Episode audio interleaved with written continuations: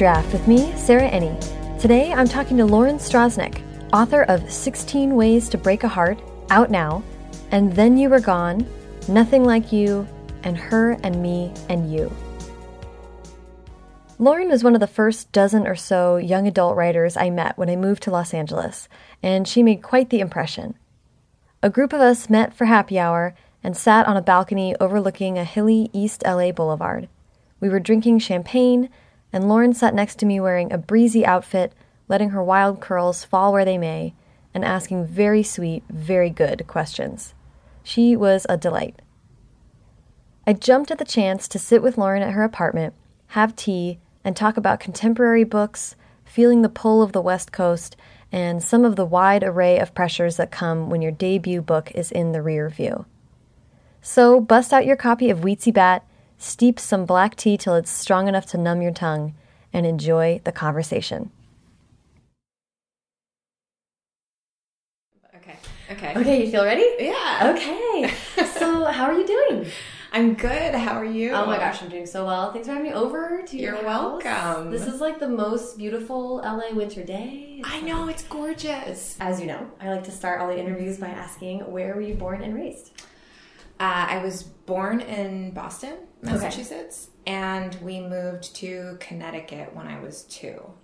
So I was I was raised there in Greenwich, Connecticut. Okay. So born and raised in Connecticut, Yeah. which to me feels like Babysitter's Club, feels like this like all American like how did you like it? Yeah, I mean it was fantastic. Yeah. I mean it was I grew up in a commuter town of Manhattan, so I had the city really close. Mm-hmm. Yeah. And in Greenwich isn't rural, but it has that kind of it feels more rural than suburban. Yeah. Yeah. So uh, it was ideal.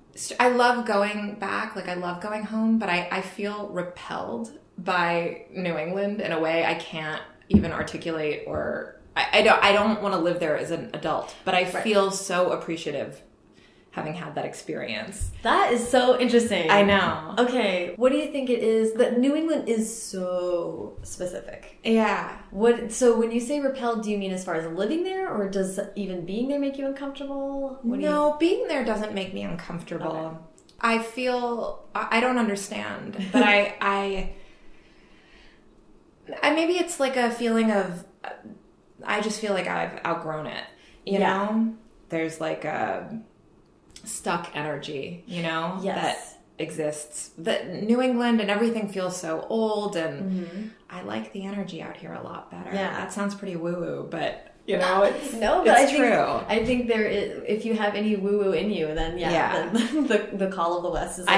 I have a ton of woo woo.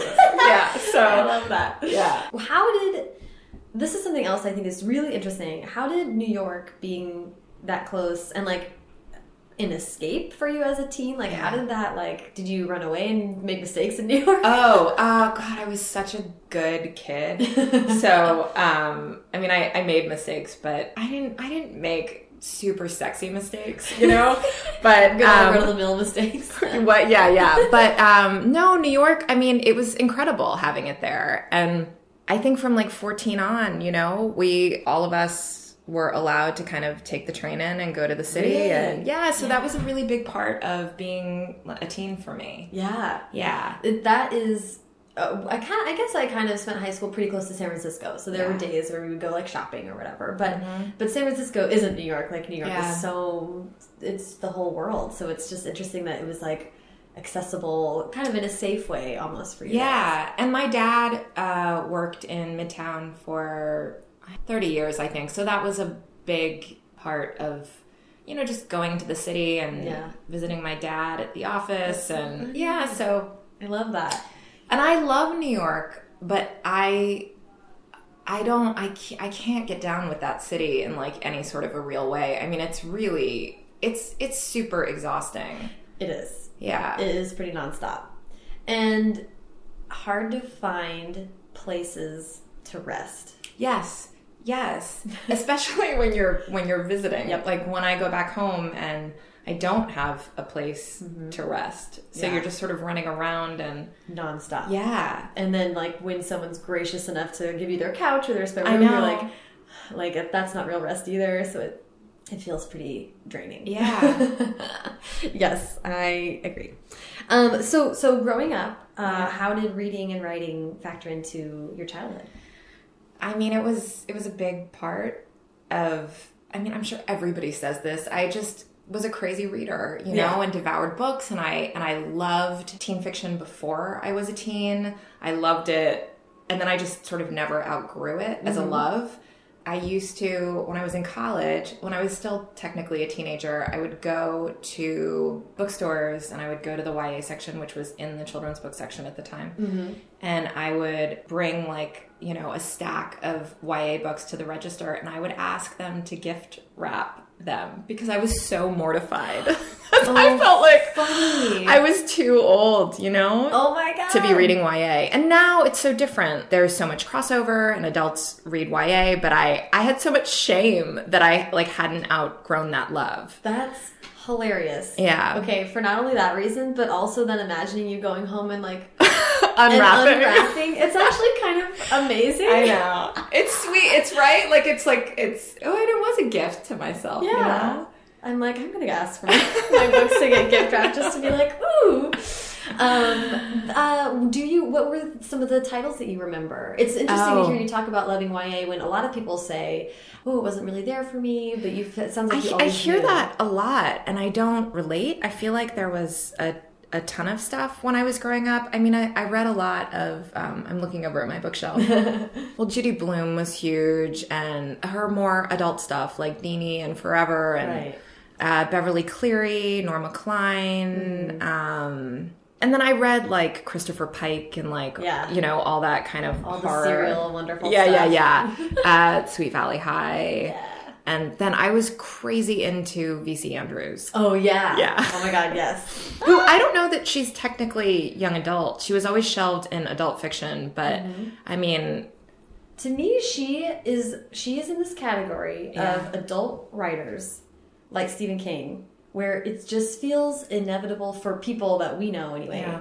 That they were discovered pretty and devoured like Yeah. early on in life. It's Yeah. like something about VC Andrews is like it just is for teens because she's exploring those like I mean there are teens in the book even though the themes are like very adult. It's also like well teens are adults in these ways. well, and it's interesting. It is interesting that you say that because she is writing about teen. Not no, she's always, she not but- always, but she mostly is though.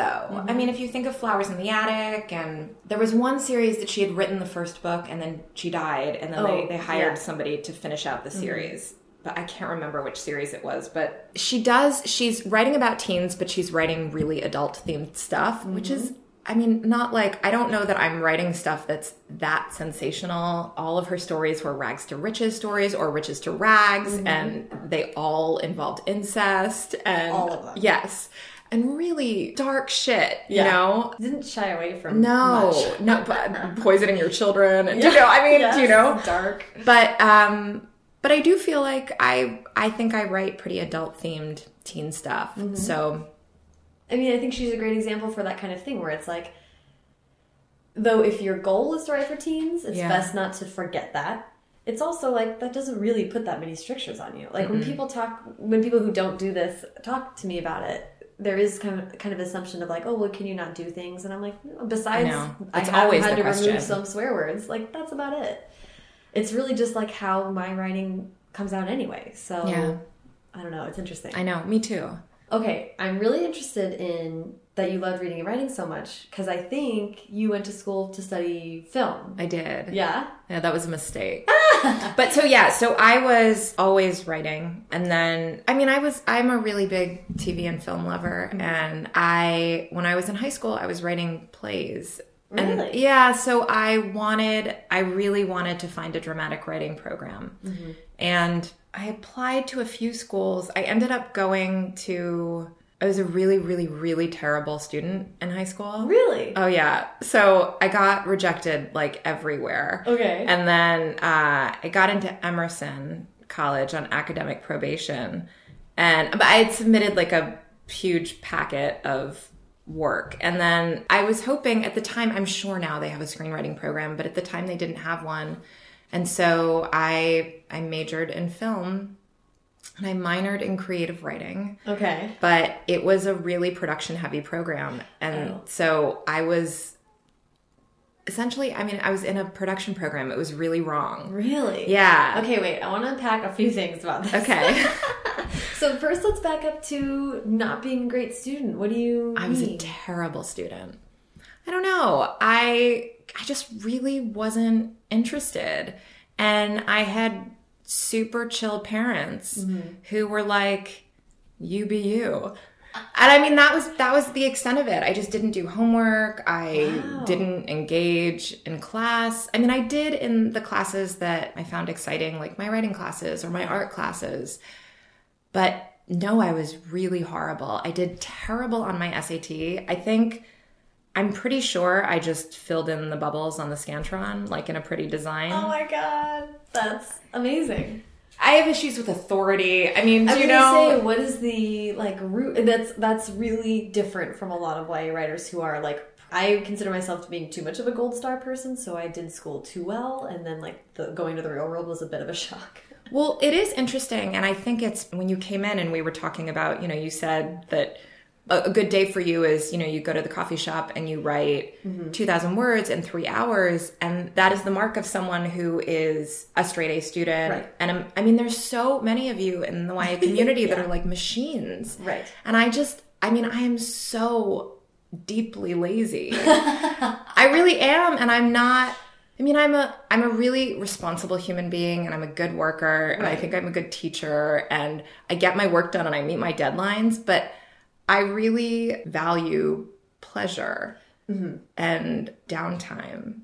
It's funny because you because you say lazy, and I'm I don't feel like that's the right word. I mean, I think that's I like that thought that you actually are like you're more forgiving because I would definitely say that I can be unforgiving of myself, and I'll look up and be like, oh my god, I haven't like left the house or seen someone recreationally or not talked about writing, and you know, like all these things Yeah. where I'm like, I need to like give myself a break, and that's not like advisable. But I mean, I that's my experience as well. I mean, I don't think honestly you you can't finish a book if you're not having. I mean, when I'm writing it's horrible and it's super isolating and I you don't leave the house for days Yeah. and but I think the way I balance that is I'm never going to write all day and then take a break and come home and like keep writing. Like Right. I'll write for 6 hours and then I'll go take a walk and then I'll see friends and yeah, and be done. yeah, and be done. Yeah. and that's it's just more important to me. Yeah, but my brother, um, who I love and adore, and who is super smart, and like I I- obviously I love him. Yeah. School not his bag. Yeah. It just wasn't motivating to him. Yeah. The the thought of getting a bad grade just didn't rile him up, and it was just like a hilarious contrast. I think my parents were just like whiplash between the two of us because it was so different. But also like it doesn't mean that he ended up in a different place than me. You know, it's just like a kind of different path, which I loved seeing that. So it's.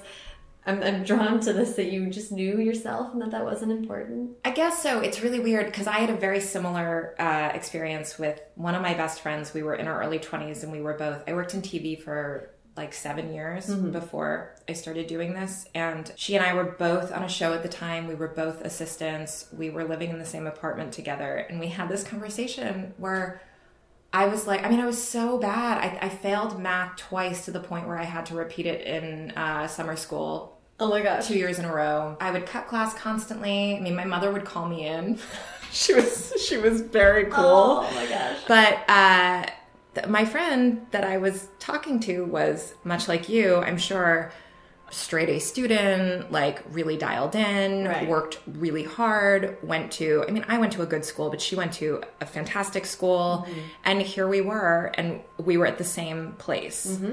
Yeah, isn't that funny? Yeah. And it is. It's kind of affirming. I feel like mm-hmm. it's I am interested in there being more discussion about that as like, you know, I hate that we make we make kids or people feel like they're wrong for not being motivated by this really rigid structure that's not for everybody. I know, or learning in a different way, even. Mm-hmm. And actually, the most interesting thing so, I told you I did really poorly on my SATs, and I was hired to write fiction for the reading, uh, the reading comprehension portion of the ACT. really? Yeah, and I remember being like, this is so crazy. I mean, it just goes to show you how kind of nonsensical. not it's nonsensical Yeah. standardized testing because how somebody who could do so poorly Mm-hmm. on on a standardized test could later in life be hired to um, create that Yes. test. Yeah, Yeah. that's so wild. I love that. yeah Um, and okay, and then excuse me, I love I would love to hear a little bit more about writing plays. How that what, Oh, what do you yeah. think, what do you think made that the medium that you were drawn to? I, I don't know. I mean, I was really kind of drawn to the theater community of my school, and I mm-hmm. wasn't an actor. I just, I think dialogue has always come really easily to me. I think for mm-hmm. me, that's like I see a book in scenes. Mm. So I think it was just that's what came out first, maybe, you know? It's uh, the dialogue that makes total sense, and and also, I mean, it sounds like you were also definitely watching a lot of TV and movies. so and much yeah. And i mean this is another thing. I watched so much television growing up. So much. I mean i was just really enamored with like that box. And i feel like it really helped give me a, a good feel for how to construct a story. Mm-hmm. And mm-hmm. i think a lot of people would say that like that's pretty shitty to let your kid watch that much television growing up but i feel like it, it helped and it shaped me as an artist. Mm-hmm.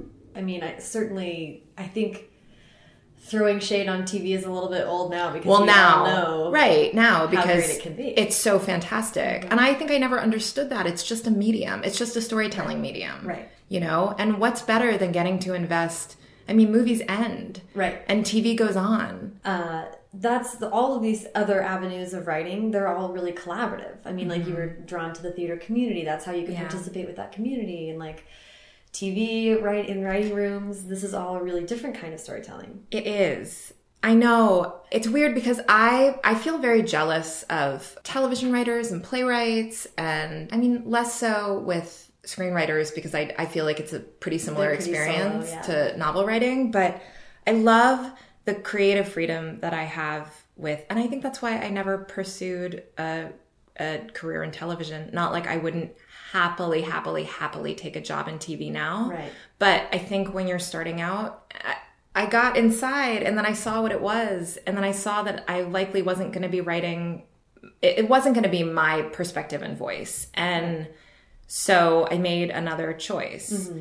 And I'm happy with the choice I made. And I feel creatively satisfied but it's a struggle financially and i and my friends who write television i mean it's just a whole other life Yeah. Okay, so so then so talk to me a little bit about production. So you're like you go to college, you think you're going to be more or less screenwriting, Yeah. and you kind of end up like being a film crew. Yeah. Yeah. It was I mean, I hated it. It was miserable. I and I just ended up taking a ton of creative writing classes. Mm-hmm. So, and I loved it. I just fell in love with fiction. And I had grown up obviously reading it and writing it, mm-hmm. but I don't know. I fell in love with like everything surrounding it, you know, mm-hmm. like workshop and Yeah. I met so many kindred spirits and I don't know. I so I never changed my major. I don't know why. I laziness probably. I I stayed in film and then my last semester Emerson had a program where you could move out to LA for a semester. They put everybody up in the Oakwood apartments mm-hmm. in Burbank, which was surreal and depressing and Right. um, and then you would find yourself an internship and then you'd get school credit and you'd take a few classes and so interned on a show and um, they ended up hiring me and then i just stayed and that was it Wow. and then i never looked back That's amazing. Mm-hmm. So what? So um. So so talk about getting the internship and what what that actually. I feel like there's not a lot of people who know like what that ground level for TV writing and all that stuff is like. What was that process? you mean getting the job Getting or it what it entails and like all of that. So I just wrote a very enthusiastic letter to a television show that I loved and I said please hire me I'll work for you for free. I mean that was pretty much the extent of it. Okay. I think it might be different today. You you I don't know. you know? Yeah. Um especially the way TV is blown up. But there's also so many sh- more shows on the air. And 400 TV shows on the air. Oh, serious? Isn't that crazy? God, yes. Yeah. yeah. I, I don't know. And then I, I worked. I worked in the production office. It was really, really hard, mm-hmm. and it was just a ton of grunt work and running around and long hours. But I would walk over to the writer's office and I would talk to the assistants in that office, and mm-hmm. I loved them. And it was just so calm in there and mm-hmm. quiet. And I built a relationship with these and a friendship with these girls. And um, they had a writer's PA who was working for them that season. And I think they weren't that crazy about him.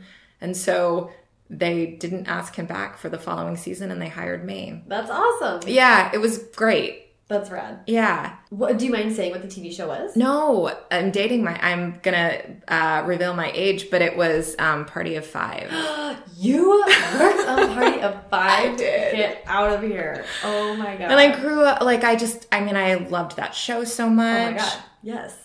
Yeah, and it was an incredible experience. It was an amazing company. Everybody was so nice.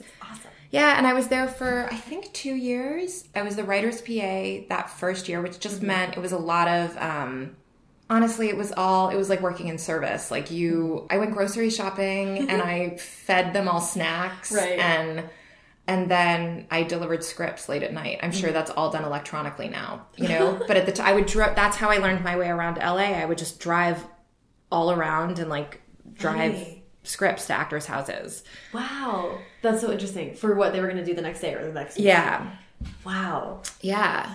That's kind of like so delightful to think about. Yeah, and I would listen to books on tape. Wow. And I mean that's it. It was super fun. And then they hired the next year there was a there was a spin-off and I called Time of Your Life. It was starring Jennifer Love Hewitt and I was mm. the writer's assistant on that show. I can't believe you're working on Five. Yeah. That's so amazing. I loved it.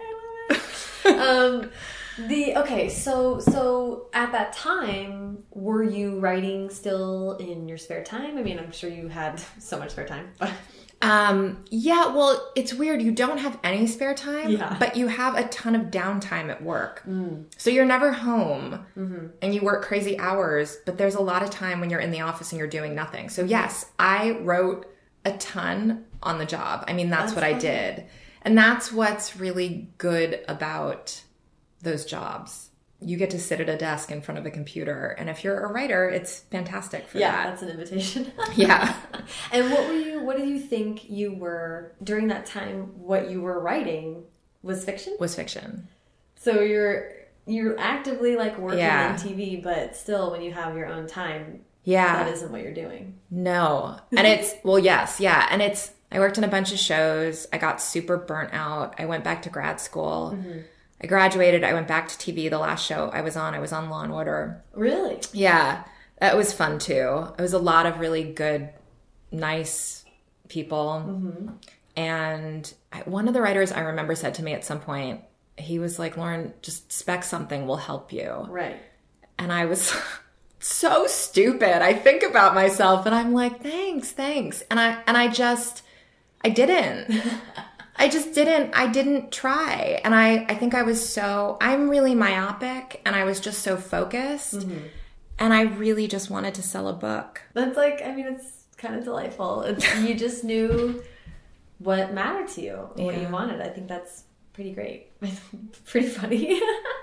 I know. Well, now I think like I I mean the, you know, but it is what it's meant to be. yeah. right? Yeah. Yeah. That's so, so at what, okay, so, so I'd love to hear you talk a little bit more about deciding to go back to grad school because Yeah. obviously you were kind of realizing that TV isn't your yeah. bag. yeah. Yeah.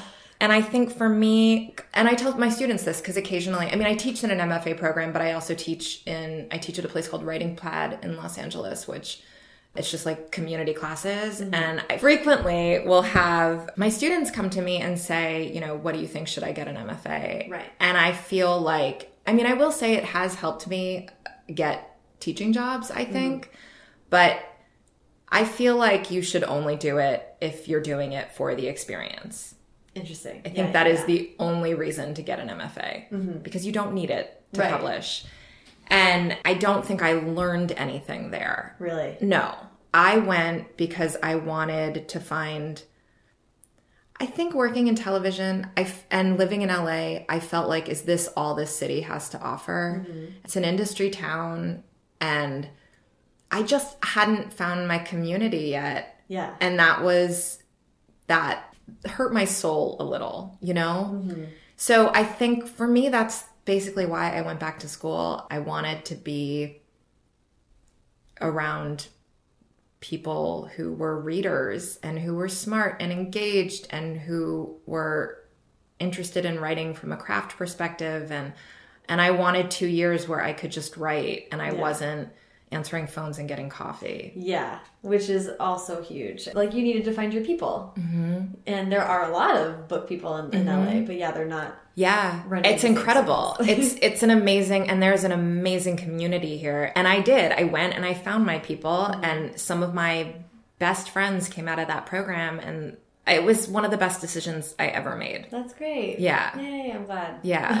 yeah. Oh, I mean, I'm in crazy debt still. I've not paid off any. I mean, I it, I just like pay the interest and it sits there. Right. But it it feels worth it to me. It changed my life. Yeah, yeah, it's impossible to put a number on. Yeah. on that. The fiction you were writing, I mean, it was always young adult. What you were, No, that's. I mean, I mean, my voice is pretty authentically teen. Mm-hmm. But at the time, this was when I was in grad school. This was before the YA boom, and I read a lot of YA fiction, but I also read a lot of fiction about teenagers for adults. Right. Books like Prep. Uh, there, there's a book called Twins by an author, uh, Marcy Dermansky. Like, there was a lot of stuff being published at that time that wasn't for the 14 and up crowd. Right. And so I think I think I fall somewhere in the middle. Even now I think with my career I think it's a struggle because I don't I don't know that my books always land with or with like that solid sort of teen readership. Do you mm-hmm. know? So I don't know. I think I still don't know what I'm writing. really, you're Yeah. still figuring it out. You think? Well, in terms of from a marketing perspective and standpoint, what I write is what I write. Mm-hmm. But sometimes I feel like I write teen books for adults. That's interesting. Yeah. Is it ultimately when you're writing your books, though? Do you feel like you are just writing them for you and then seeing what happens, or do you keep a teen in mind, or do you? I yes, I think I write my books for me. Mm-hmm.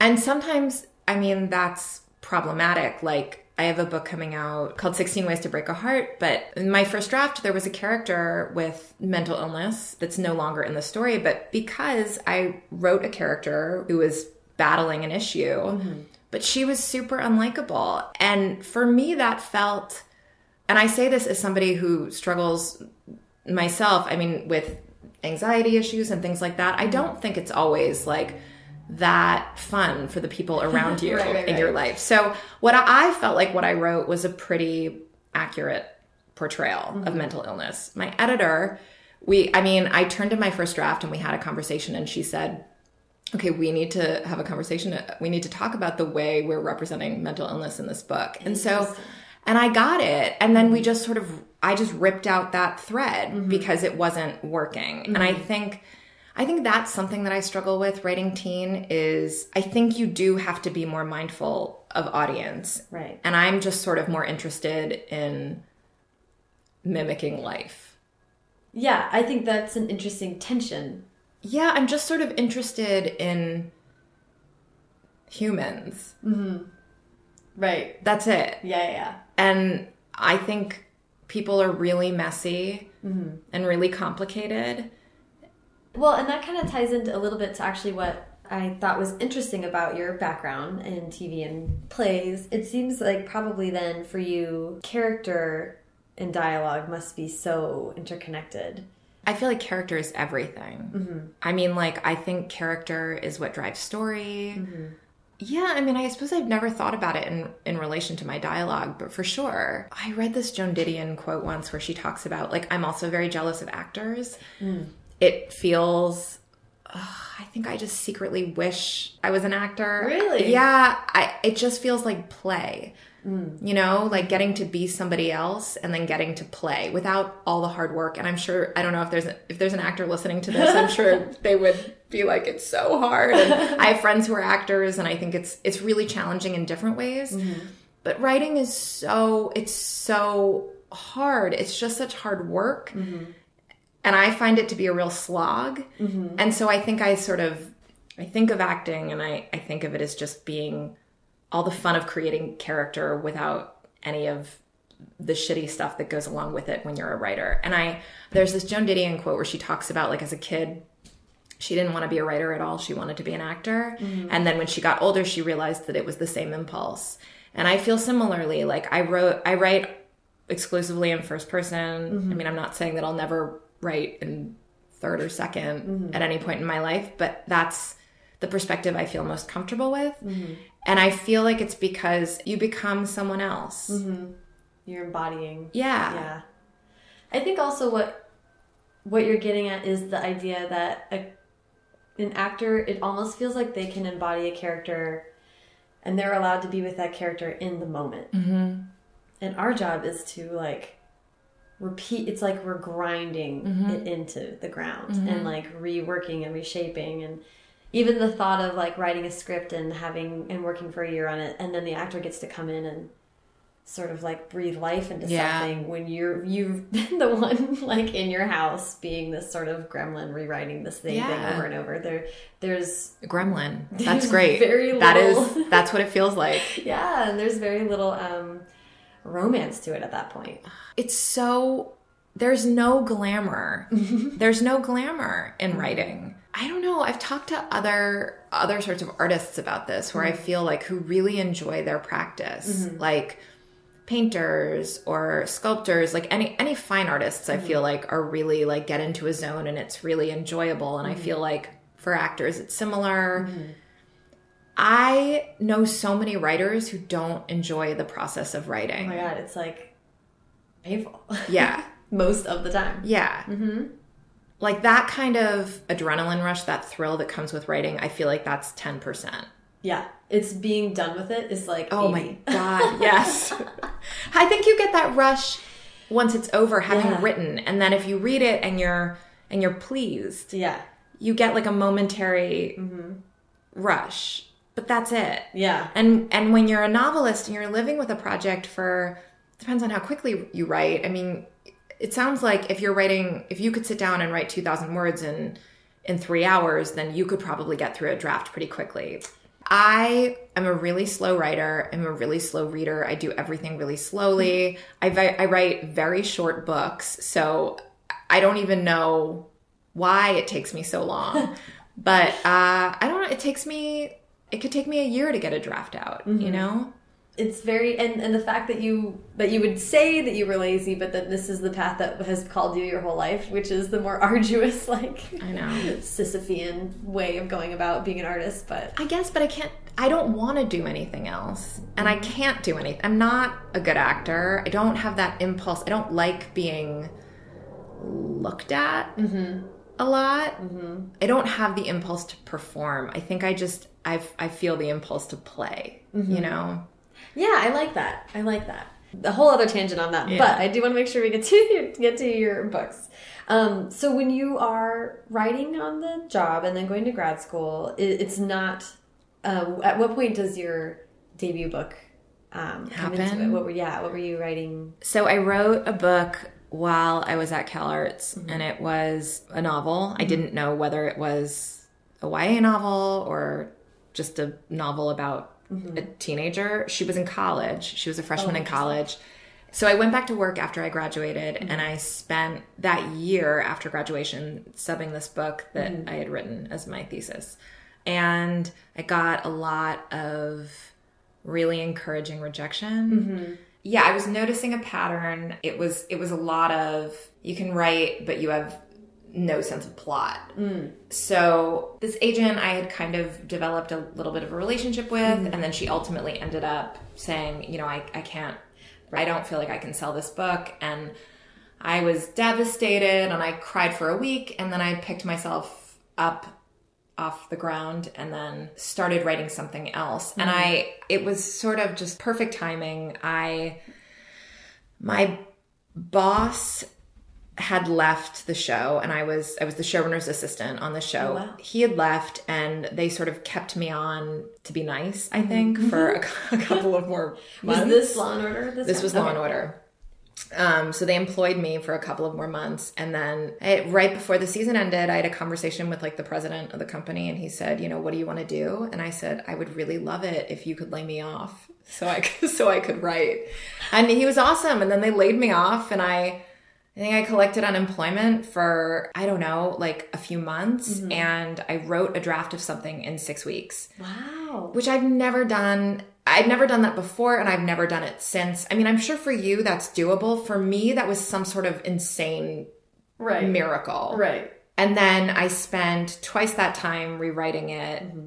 So the whole thing, I mean, the whole process I think took me like, I don't know, four months. Mm-hmm. I contacted all the agents who had been responsive to me the previous year and I mm-hmm. said, Will you look at this again? And that agent that I had had that relationship with very quickly offered representation. That's great. Yeah, and then I and this is why when I teach, I'm so I mean, I really I graduated from that program with no knowledge of I didn't have any understanding of plot or structure. Oh, interesting. And I push that very strongly on my students mm-hmm. because it was something that I didn't get that I had to teach myself. Mm-hmm. I think that that made all the difference. Do you know? Interesting. Yeah. That's funny. So you do feel like, which is, I think, what people like think of when they think of the MFA experience is like more on sentences and Yeah. uh, language Yeah. and but i my program was quite strange. I mean it was it's super experimental. I mean i went to a writing program in an art school. So it's more like language is art. I mean it just wasn't it wasn't i loved it. I loved every minute of it. I would do it all over again but i don't feel like i was it it was necessarily the right place for me in terms of what i was wanting to do and i'm more of a traditionalist and That's so interesting. yeah so Oh, funny.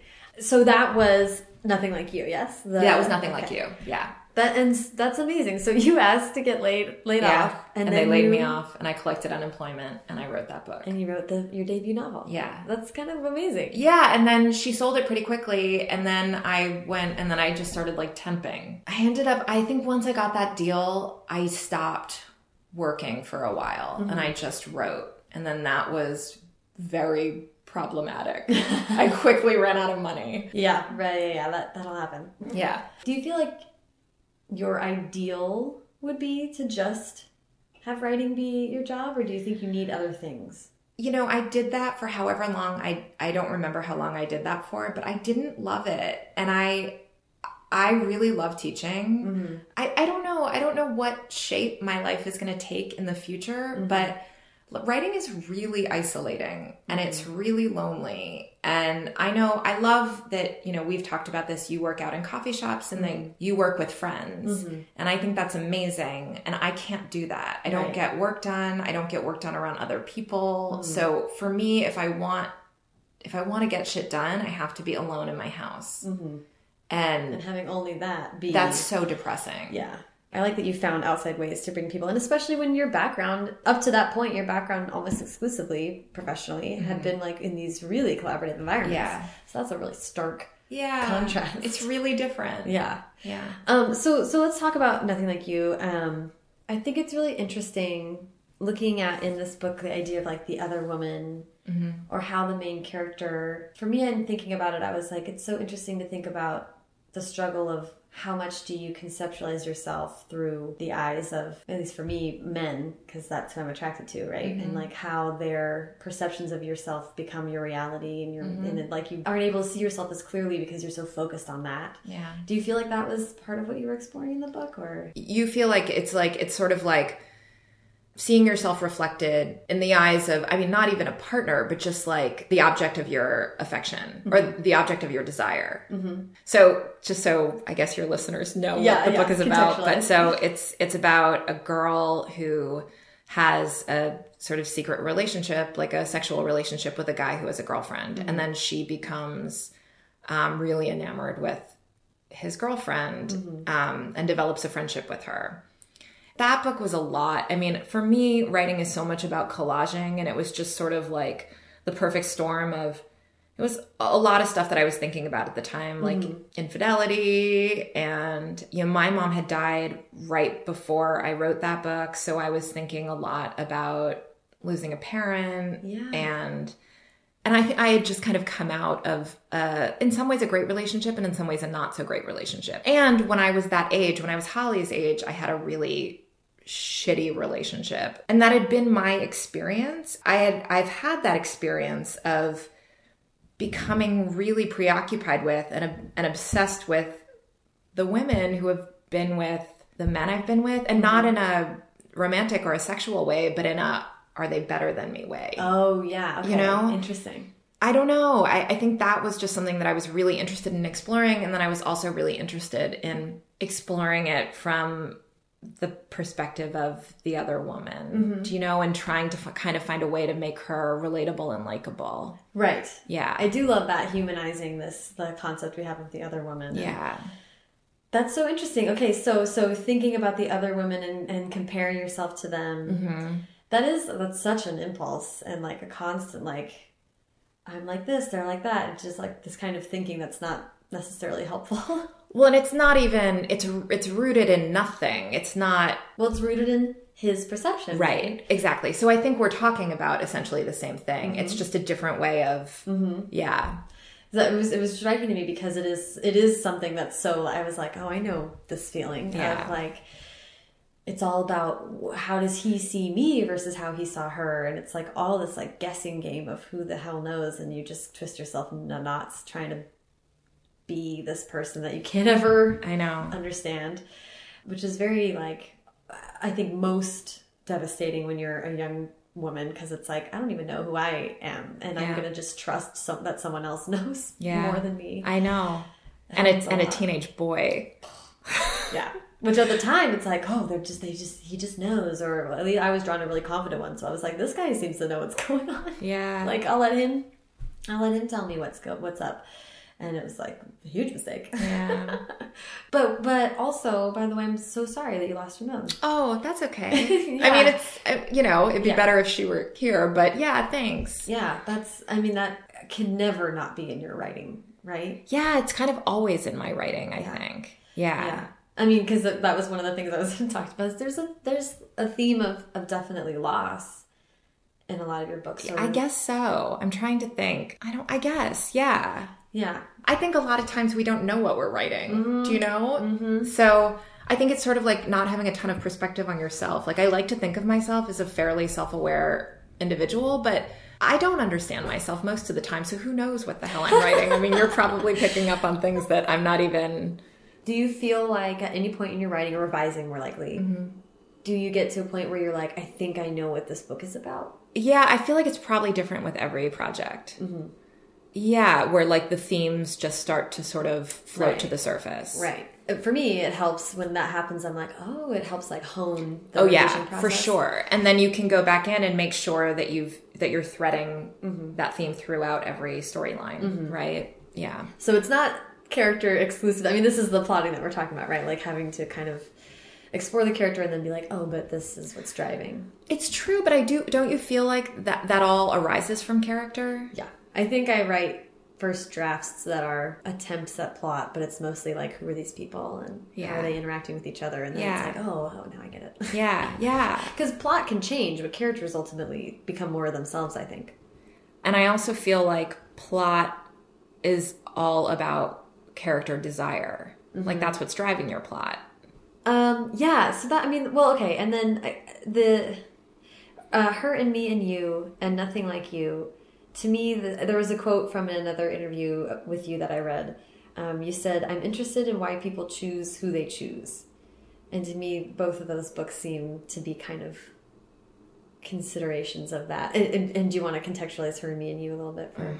Okay, so I have very I I honestly have very mixed feelings about that book, but yes. So I mean that book is about a girl whose parents split up. She moves to a new town with her mom and she gets involved with these twins. She kind of develops a little bit of like a flirtation and a romantic relationship with the boy twin and the girl twin is quite jealous and mm-hmm. you know, I mean honestly like I that book for me, I I ugh, I don't love that it's out there. I think I yeah, it was it was the second book in a two book deal. I mm-hmm. felt like I wrote it really quickly. I was struggling with it. I think conceptually it's a it's a book that I really wanted to write and I feel like maybe it could have been good had I had more time. Mm-hmm. And I don't feel like I ever got there and I mm-hmm. don't feel like I found the right in with it. And so I don't know, it's a it's a funny feeling to have a book out there on the shelf that you're not satisfied with. And what's really strange is it's my best reviewed book, not in terms of reader reviews, but in terms of my my trade reviews, which I think is really strange. And I also have a lot of writer friends who have read that book who it's their favorite, which I also think is quite strange Wow. to be so unsatisfied. But I mean, I've also we've all we've all like stalked ourselves on Goodreads, and I think Oh, yeah. yeah. that is the book that I think people are like, what, what is happening? And I'm like, I feel yeah, yeah. It's a really strange thing. I think when you start publishing because. This ends up happening where sometimes a book goes out into the world and mm-hmm. you may not be happy with it and it's just there and it's and you're sort of growing publicly as a Right. writer. Right. And the fact that you feel like it's unfinished, it's so, it's so challenging to think about that and think about like because then it's done Yeah. and it's just what it is. It is. It is what it is. I thought about that a lot right this year. Kanye released that album where it was not done and he was editing and revising and changed it a bunch of times and I was like, what a wonderful thing to try. Yeah. Um, and if we could be like the paperback, which is now has three new different chapters and whatever, like that would be so kind of amazing. But it's also interesting that you mentioned music because I'm not that comfortable with that book being out there. However, the way I comfort myself is I think about musicians who have had long careers and sometimes they put out an album and you're like, what the fuck is this? Yeah, this is like a big turn. Yeah, and and that's okay. And and the hope is that you have a long career and you can mess up sometimes and be imperfect and and it's okay. And you can have these like lost years almost. Because I think actually musician that's a really great way to think about it. Because Yeah. their process it seems at least as though their process like times up with ours in a good way. Like year to three years for an Mm-hmm. Yeah. album. And then you can kind of say like, Well, Beck, you tried. Yeah. But I'll just catch you on the next one, you know? Exactly. Um and and, and he's great too because he also he's always doing something different. always Yeah. always trying new things Yeah. although the most disappointing albums are the one where it's like i already bought this album Yeah, yeah. I know, I know. yeah but beck yeah beck is the one where it's like well i'm i'm so satisfied of being a long-term fan of his because Yeah. not because i love every song but because i'm like well the next thing he does is definitely going to be new and interesting Yeah. and i want to hear him talk about it Yeah. I love that. I think that's great advice to people who are writing. Yeah. And and this within the last year has been one of the first times that I heard people speak candidly to me about books that they were like it just has to I just have to meet this deadline it just happens. Like when you're a professional it's Yeah. this whole other layer and you just don't always get that satisfaction. And no, and there's always that moment. Like, um, I, I feel I'm happy with. I, I had that kind of feeling of completion with Nothing Like You. I had it with Then You Were Gone. I have it with 16 Ways. But then there's another thing that happens where you just feel like you've you've outgrown a book. So it's her and me and you that was a special experience but i think that what you're talking about i mean at some point you just kind of have to call it like you're Yeah. working on a book and you could work on a book forever and you just kind of have to be especially if you're a professional and you have to meet deadlines and at some point you just kind of have to be okay with it as is mm-hmm. and then know that three years down the road you're gonna look at that book and feel like oh my god what did i what did i write Right. Right. and it's out there right. but that's growth Yeah. yeah And and one of the key parts of um, when I interviewed Rachel Fershleiser, she had this great line where it's like, "You're an author, not a book." And I think about that often because it's like, oh i love that yeah, right. Yeah. It's, so, it's that's that's such a great key to forgiveness. It's like, well, that thing doesn't define you. Yeah. Thankfully, yeah um, we don't just get to do one thing that becomes us. Like, um, and if we if that ever happened, it would be like a whole other like mind warp, you know. yeah So I think I'm, I'm thank you for talking about that because I think this is an experience that a lot of people have in a lot of mediums, like you're saying. Yeah. I'm sure there's a lot of musicians who would take back that country album they wanted to try and do or whatever. Oh my god. Um, but did you want to speak to the to that quote? Why people choose who they choose? I think that is like I don't know. I think about this so much in terms of like partnership and attraction and like and I I probably feel differently now than I did when I said that. Mm-hmm. Because I it's still something that I think about. I don't know. Lately I've been thinking a lot like I think attraction and love romantic love is so much about recreating what love felt like to you as a child. And I think that's the good and the bad. So it's about it's about picking partners who make you feel good and loved in mm-hmm. in the ways that you felt loved when you were young, but then also in the ways that you felt bad. Mm-hmm. And so, in that way, when you think about attraction and partnering up with people, it's of course it's about connection and and love, but then it's also about this other thing. I think it takes the sting out of missed connection and and rejection mm-hmm. because I think so much of that is beyond our control and it's it's not personal. there was this article in the New York Times that was called "This is the reason you'll get divorced," and um, was, as you can imagine, like a really heartening tale. But it was like Yeah. people mistake familiarity with happiness, Yes. and they turn away what could make them actually really happy, Right. And of course, this is I immediately like sent it to my therapist and was like, "We have to talk about this forever." Um, but it was that was its whole thing. Is it's like people just want what they know, Right. and that includes all the ways that it makes them bristle and Right. and feel the, it's but it's those tensions that you know you get into the script and you know that script and it's really challenging to break it I know. and see the new ways that you could be happy which is like a lifelong journey right Yeah. But yeah so i'm definitely i definitely Yeah. hear what you're saying i'd love to hear how 16 ways came about and but also like in timeline sense like when did you start teaching and Oh. how did that kind of correlate with your Um? I started teaching almost four years ago. It happened. I mean, I was talking to a friend of mine, Grace Krilanovich. She's an incredible writer, and she taught like a one-off, like this class for writing pad marilyn friedman and she she said you know she's looking for a ya writer to to teach like a workshop do you want me to hook you guys up and i said absolutely yes i'm mm-hmm. terrified but i would i would love to do that yeah I taught a few, a one day workshop for her, and then I taught like a five week, like a novel class. Yeah. It went okay.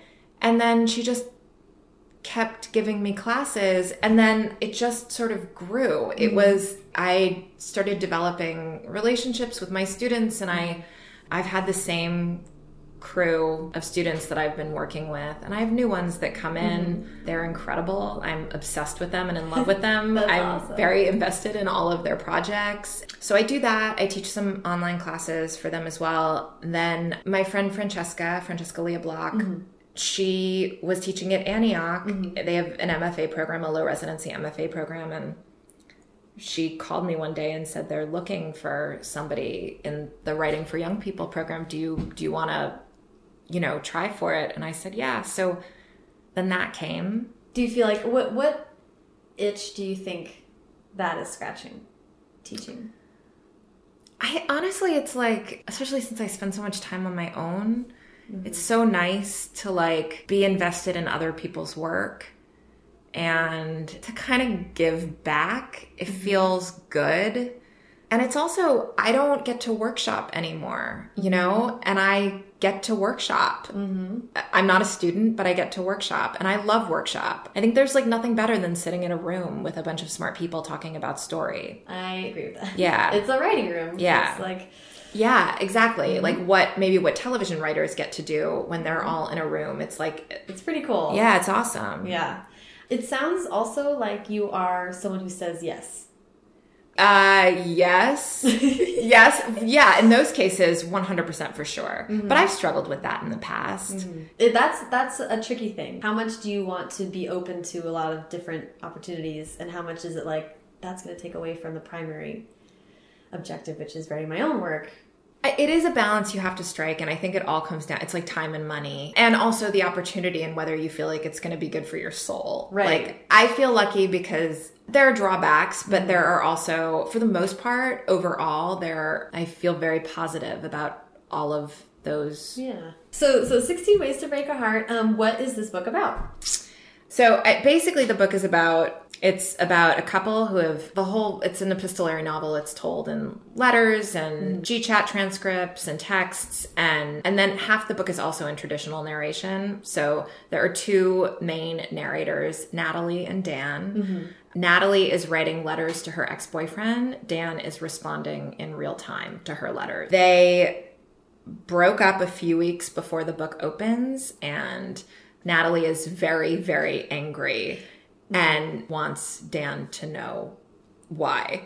So there are 16 letters. That's sort of the structure of the book. And it's sort of a the flip flopping of loyalties. It's sort of you read and you're not sure who to trust. At least that's the intention. Yeah. And then it's sort of it's a peek into this super passionate and really toxic relationship between these two teenagers. Like forensic examination of a relationship is never not fascinating. Oh yeah, I mean, I that's like all I want to write about and like explore and read about, and yeah, so like, yeah, in the still in the still burning rubble, like yeah. what's oh, there. for sure. I mean, the shit is like it's still on fire. Yeah. So I love that that you're doing like alternative ways of telling Yeah. the story and and having like G chat. To, I'm like I love that. Um, and it also seems like really dialogue heavy. yeah. So it seems like you kind of like you're like cutting out the middleman. Like let's get some. Oh yeah. In fact, I kind of struggled. Those GChat sections were when it's exclusively dialogue. Right. I mean, your dialogue really has to be strong. So I would sort of just kind of pound those out and then have to go back and make sure like every line mattered. Mm-hmm. With the letters, I mean, Natalie's letters, that was like so incredibly freeing for me in terms of really as like just an exercise in voice and mm-hmm. writing from a new perspective. Like, I really enjoyed writing her letters. It flipped a switch for me mm-hmm. and um, made writing feel kind of fresh and new again. That's really exciting. Mm-hmm. Do you feel like I earlier mentioned like not finding a, a way into a story? Do you feel like that served as a Oh yeah, one hundred percent. Yeah. and I struggled a lot more with Dan's narration in the beginning. It, he took a lot longer, like that voice, to come to me, and I Mm-hmm. think it was also, well, it's partially because I've never written from the perspective of a dude before, so that it took Mm-hmm. Me a lot longer to sort of understand him. But also just because that was traditional narration, and it wasn't as exciting. Well, there's a block to the immediacy Yes, inherently in that. yes, and also the fact that Dan is responding, like she's like Yes. instigating it, exactly. so she's sort of free from everything. yeah. And then, the, yeah, you had a lot more kind of That's so true. Yeah, yeah, yeah. He's on- receiving, mm-hmm. right? And she's sort of the aggressor. yeah. Yeah, It's almost like several exercises within totally. a book. Yeah, totally. kind of keeping it interesting. Yeah, and they they all it and just because structurally this this book is really different than anything I've ever done, and it was it was a little like doing a math problem. Do you Mm-hmm. know? It was a lot to manage, but it was also really um, was exciting for me. I, I find myself thinking about math with structure a lot. Yeah. And like, it's like uh, Tetrisy. Yes, And totally. Very functional. And Yes. it feels like soothing to think about it in that way. Yeah. It's like, it's not just this creative, like, blah, id. There's like, it has to fit the form and Yeah. that gives you some kind of structure. It feels really nice. Yeah, for sure. And with this too, there were so many dates Mm. and everything had to line up. Mm-hmm. And I mean, that was, that is definitely oh yeah. logistics. Yes. And and I told you um, before we started recording, but your cover is so gorgeous. Yay. and it thank strikes you. me as like so beautifully, wonderfully, exuberantly Los Angeles. Yeah, I know. I I mean, speaking of Francesca, it reminds me a lot of like early Weetzie Bat covers. Like, I mean, there's something. I think also because the 90s are so on trend right Yeah. now, it feels very 90s to me, and I love that. in this party of five kind of way. Yes, totally. Um, yeah, but I'm really happy with it. I think they did a really nice job. Okay. so um, you've given a whole bunch of great advice on the way, but is there anything that you would say maybe to newer writers, or or, or what is um, some of the advice that you've seen be really helpful to your students? Oh my god. Um I suppose from a business perspective, I would just say to be really persistent. I mean, you just have to be so persistent. Mm. I think you can't send out one query and then get discouraged when you yeah. get one rejection. I mean, it really does because as we've talked about, this business is so subjective and it, it's just finding a person that connects with your work and you have to have a tough skin. I, I say that to my students as well. I mean, I, I think that's something. I think at every stage in the game in this business, you have to have a tough skin. You know, you have to have a tough skin in workshop. You have to have a tough skin when you're querying when your book comes out into the world, you know, with reviewers and yeah. then with reader response. I mean, it just, you kind of, you really have to find your center yeah. and all that. And that, uh, there was some great quote on the internet recently with somebody saying like, it's really, oh, I think it was Zan, Zan Romanoff, who yeah. I recently interviewed. And she's so smart and, and funny. And she was saying like, some people call writing brave when really it's just being foolhardy and, and persistent. Yeah. it's like, that's about it. she's totally right. yeah. yeah. If something, some, if something inside of you won't rest until this happens, then you just have to do it. You're compelled to do it. You yeah. know, I think that's it. Yeah. Um, uh, well, I think that's really good advice, and I like having um, having like a professional perspective on that. I think it's helpful. I think a lot of people who listen to this are aspiring, so that's good for them to know. I hope so. thank you so. Much. Oh my God, Sarah! Thank you so much. This, this was so very, very sweet of you to have me. So I really Yay. appreciate it.